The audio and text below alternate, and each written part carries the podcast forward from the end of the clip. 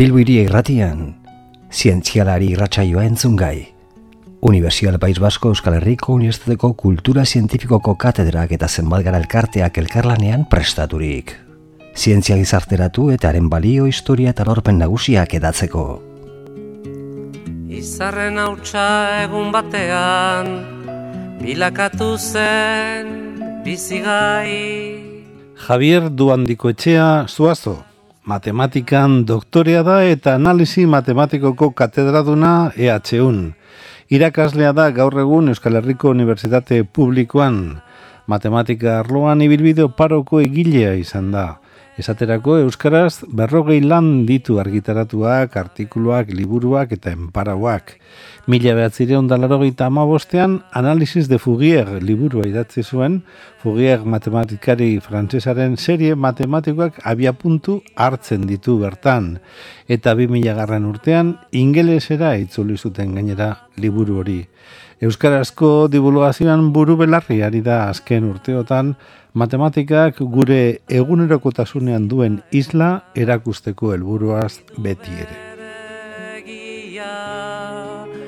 Ekin ta ekin bilatzen ditu, zaiatze hortan ezin gelditu. Beraz, jarraian testu bat irakurriko dizuegu, loteriaren eta matematikaren arteko loturaren berri ematen diguna. Ona hemen ba. Aritz eta bainat, donostiako autobus batera sartu dira. Leku hartzera doazenean konturatu dira bidaiari batek guardasol bat utzi duela astuta. Itzuli egingo diegu, esan du aritzek. Itzuli? Ez dakizuta norena den, erantzun dio bainatek. Saiatuko naiz? Etxera heltzean telefono zerrenda hartu, zenbaki bat aukeratu eta deitzen hasiko naiz, ea jabearena den. Zer diozu? Burutik egin da zaude. Eun mila zenbakiren artean, zenbatgarrenean espero duzu asmatzea. Ara bestea, eun mila zenbaki ditu loteriak ere, eta ez didazu bada oraintzu esan karteran duzun horri tokatuko zaiola sari nagusia, gauza bera da, ezta? Ez horixe, telefonoarekin ez dago asmatzerik, baina loteria beti tokatzen zaio norbaiti, zergatik ez niri. Eukitzea zein den ona Bueno, zure testoa da, ondo zagutu duzu testu hori, Javier, bi, bi gazte hor, aritze eta bainat, izketan loteria dela eta, eta autobusean doazen bi lagun hoietarik, zuk zeuk, zeini emango zenioke, arrazoia. Bueno, arrazoia biztan da nork uh, daukan, ez? Ezin da, behintzete lehenengoan edo bigarrenean edo eungarrenean edo e, eun mila, demagun, eun mila pertsonan artien aurkitzean norden e, guardazola galdu dauela, holan soriz zenbaki hauek eratuta, eta eta hori bera da loterian gertatzen dena, baina hor, pentsatzen dugu beste zerbait dagoela, beste aukera bat edo daukagula. E, horrek e, esaten diona, baina baloteria beti tokatzen zaio norbaiti. Eta, klaro, hori da, zenbaki guztiak salduta daudelako. baina, bai, ez, bai. baina ez aukera gehiago daukalako zenbaki batek. Hori da, eh? argi dago, beraz, zeinek daukan arrazoia. Bueno, loteria, azken finean, gai honetan eh, proposatzen ari garena, jorratzen ari garen gaia da, loteria eta probabilitateen artean, probabilitateen kalkulu horren artean dauden harremanak, ez da? Probabilitaten kalkuluak, Javier, badu zer ikusirik eh, loteriaren historiarekin, ez da? Nola gertatu zen ustardura hori? Konta iguzu, mesedez?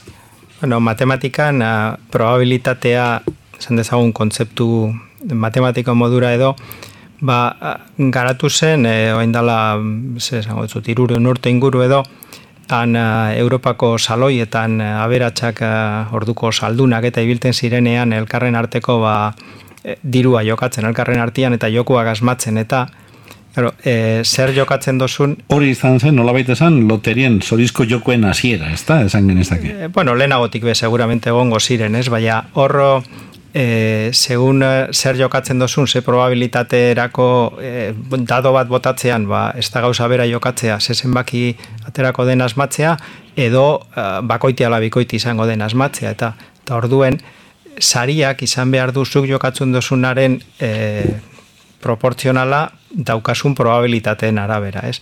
Eta orduan, ba, jokoak asmatu ala, ba, batzutan behar izaten zuten erabaki joko bakoitzerako, posture bakoitzerako zein zen e, horren e, probabilitatea, gero ordainketak ere justuak izan zitezen, ez?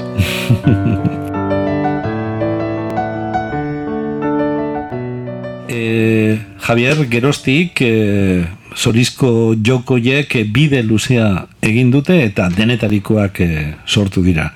Gaur egun indarrean dauden e, zorizko joekon artean, zuriritzian zein dateke probabilitatei begira seguruena. Eta aitzetik zeinetan ez genuke sentimorik ere esagutu beharko. A ber, seguruena, zer esan nahi du seguruena? Seguruena irabasteko bada, hori ezin da egon seguru irabazterik, ze bestela e, jokoa proposatzen duena galdu egingo leuko beti.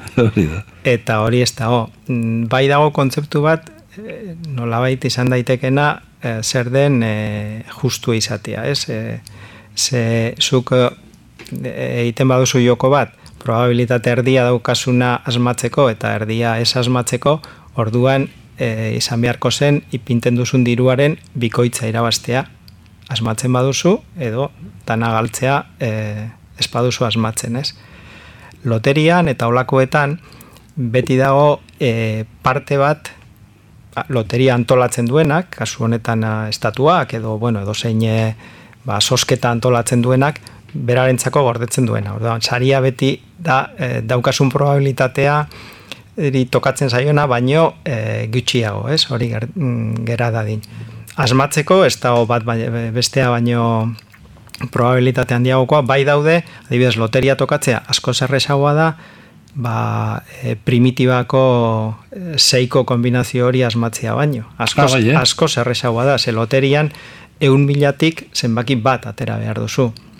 Eta bestean, berrogeta bederatzi zenbakitik e, seiko, seikoteak egitea, milioiak dira. Asko zailagoa da hori. Eta, bueno, e, bitartean egongo litzateke e, kinieletarako aukera.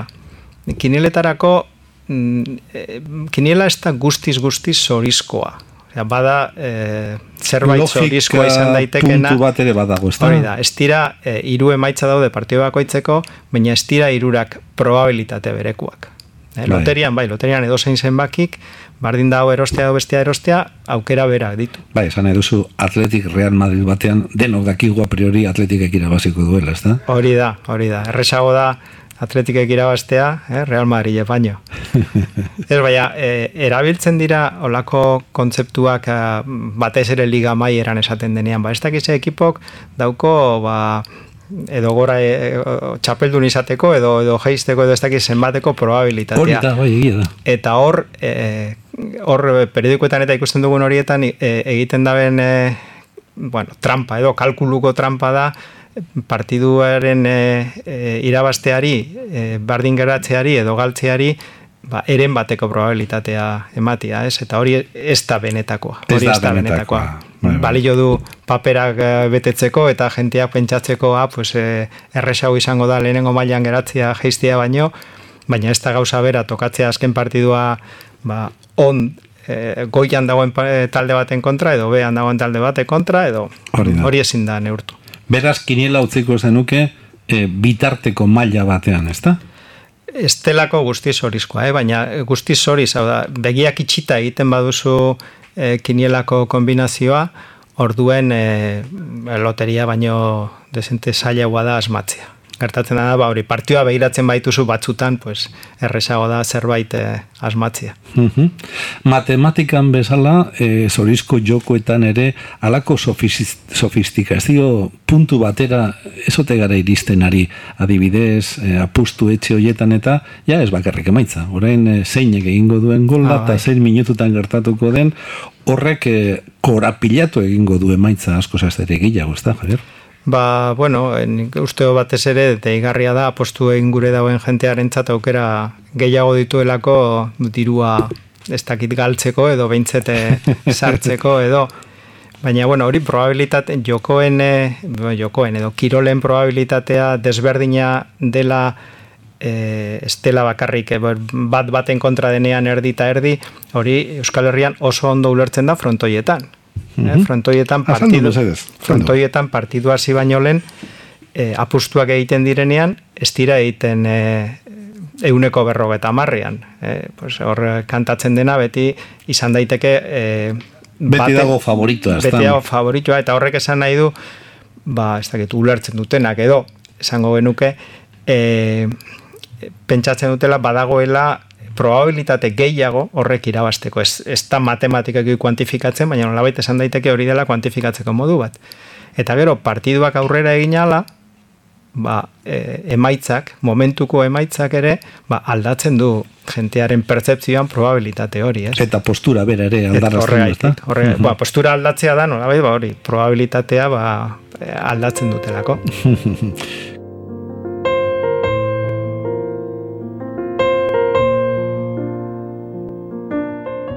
Kontu honetan, Javier, badira sinesmenan, sinesmenak behar bada sineskeriak esan beharko genuke, ez da? Tabietako bat dugu, handienetakoa, dudarik gabe, lehendik esaritutako zenbakiena. Izan ere, jende asko kori pensatzen du. Baina galdera da, egia ote da lehendik sarituak gertatu diren zenbakiek berri zirteteko probabilitate gutxiago dutela? Ez, zenbaki guztiek daukate probabilitate bera uh, urteteko, ez? Zailago izango da, aurten berriro ertetea e, pasadan urteko bera, zergaitik ba, bat delako eta beste guztiak ba, laro gaita emeretzi mile e, eta, eta, eta gehiago direlako, ez? Bai. Baina olako sineskeriak beti daude, ba, jentia pentsatzen dau, leku batean erostea gaitik aukera gehiago izango dituela mm, erosteko, ez? Bai. Ni uda honetan sorten egon naiz hor Leidako aurre pirine horretan, eta hor badago administrazio bat, loteria piloa saltzen duena, hain zuzen, jenteak uste duelako, han tokatuko dela, pa, pareba bider eh, jarraian edo tokatu zelako, eta orain seguruenik, erresago da administrazio horretan tokatzea, Bilbon tokatzea edo ze esango dizu tarri horrean tokatzea baino asko zerresagoa da zergaitik asko zenbaki gehiago saltzen dutelako. Baina zu zenbaki bat bakarrik erosten baduzu berdin da non erosten duzun aukera bera dituzu baina psikologia etzen nuen erosi beraz Nik neuke ez, baina nirekin zegoen bate bate pai. bueno, azken kontu bat, honetaz, eh, ari garela, Javier. Eh, zure artikulu horretan, aipatzen duzu, eh, esperantza eh? e, azorizko jokotan esperantza dagola, baina e, esperantza kontzertu matematiko bat ere badela esaten duzu. Guke loteriarena ular dezakegu matematikarena ez ordea. Laguntzen badiguzu mesedez. Bueno, bai, e, a ber, loteriaren esperantza, ez dakit eh, esete genuken eh, esan beharko ilusioa edo alako zerbait, ez? Osea, jenteak, bezala, ez da? Ba, bai, jenteak pentsatzen dua tokatuko zait, edo, bueno, batzuk esaten du, nik uste dut aurten tokatuko zait dela, baina horrek ez du, bueno, e, hori gehiago dauka gogotik edo ilusiotik edo alako zerbaitetik. Bai, orduan, e, matematikan e, kontzeptu badago kuantifikazio bat edo ba, probabilitaten teorian eta erabiltzen dena esperantzarako, adibidez loterian ez dago sari bat bakarrik, ez? Orduen e, zaila da Eh, lehen saritua, lehen e, sari potolori ateratzea, erresagoa da, ba, sari e, segun zer loteria mota den, ez? Gabonetako apur bat desberdina da, baina beste batzutan, ba, saria daukate, azken zifra biak berdina dauzkatenak, bueno, pues hor, erresago da, ze bakarrik e, ba, zifra bi euki zu berdin, ez bostak, ez? Edo diru atzera, ba, zenbaki bat, edo bakarrik, ez? Orduen, e, esperantza matematikoa kalkulatuko litzateke, e, aukera bakoitzaren probabilitatea bider aukera hori gertatzen bada zenbat hiru ematen dizuten. Mm-hmm. Eta loteriaren kasuan e, saritan e, uste dut euneko irurogeita marra ematen dutela, ba, egiten baduzu kalkulu hori ematen du ba, euro bakoitzeko ba, e, 0,6 euro. Euneko irurogeita marra da nola baite, esperantza horre kalkulatuko lukeena, ez? Hori da matematiko zer den esperantza. Baina e, kanpoan jentea asko e, edo ez dakit denek edo edo edokaten esperantza tokatzeko hori da gehiago beste gauza psikologiko bat denetako logikoa izan baino. Hori da. Beraz, esperantza handirik ez dago loterian matematikaren ikuspegitik, baina beti ere, eh, ate bat irekita, eh, alako esperantza izpi bat utziko dugu. Bueno, hori da, eh, niri mendik matematikari bat ilus, e, irakurri nion moduan, berez e, da arrisku handiko inbertsio bat. Orduen, e, zuko erabaki behar duzu, ea presauden arrisku handiko inbertsio hori egiteko, naiz eta ia seguru esaizun tokatuko, baina tokatzen bada, saria handia da. Orduen, neurri horretan, matematikak hori baino ez du esaten, arrisku handik oso handiko inbertsio bat da, besterik ez. Beraz, egiaztatu egiten duzu lehendik somatzen genuena. Bai. Javier, mila esker dena den eh, loteria erosi behar dugunean deitu egingo izu, eh? Bueno, igual ez ez esango izut, baina. Universidad País Basko Euskal Herriko Unibertsitateko Kultura Zientifikoko Katedrak eta zenbat gara elkarteak elkarlanean prestaturik.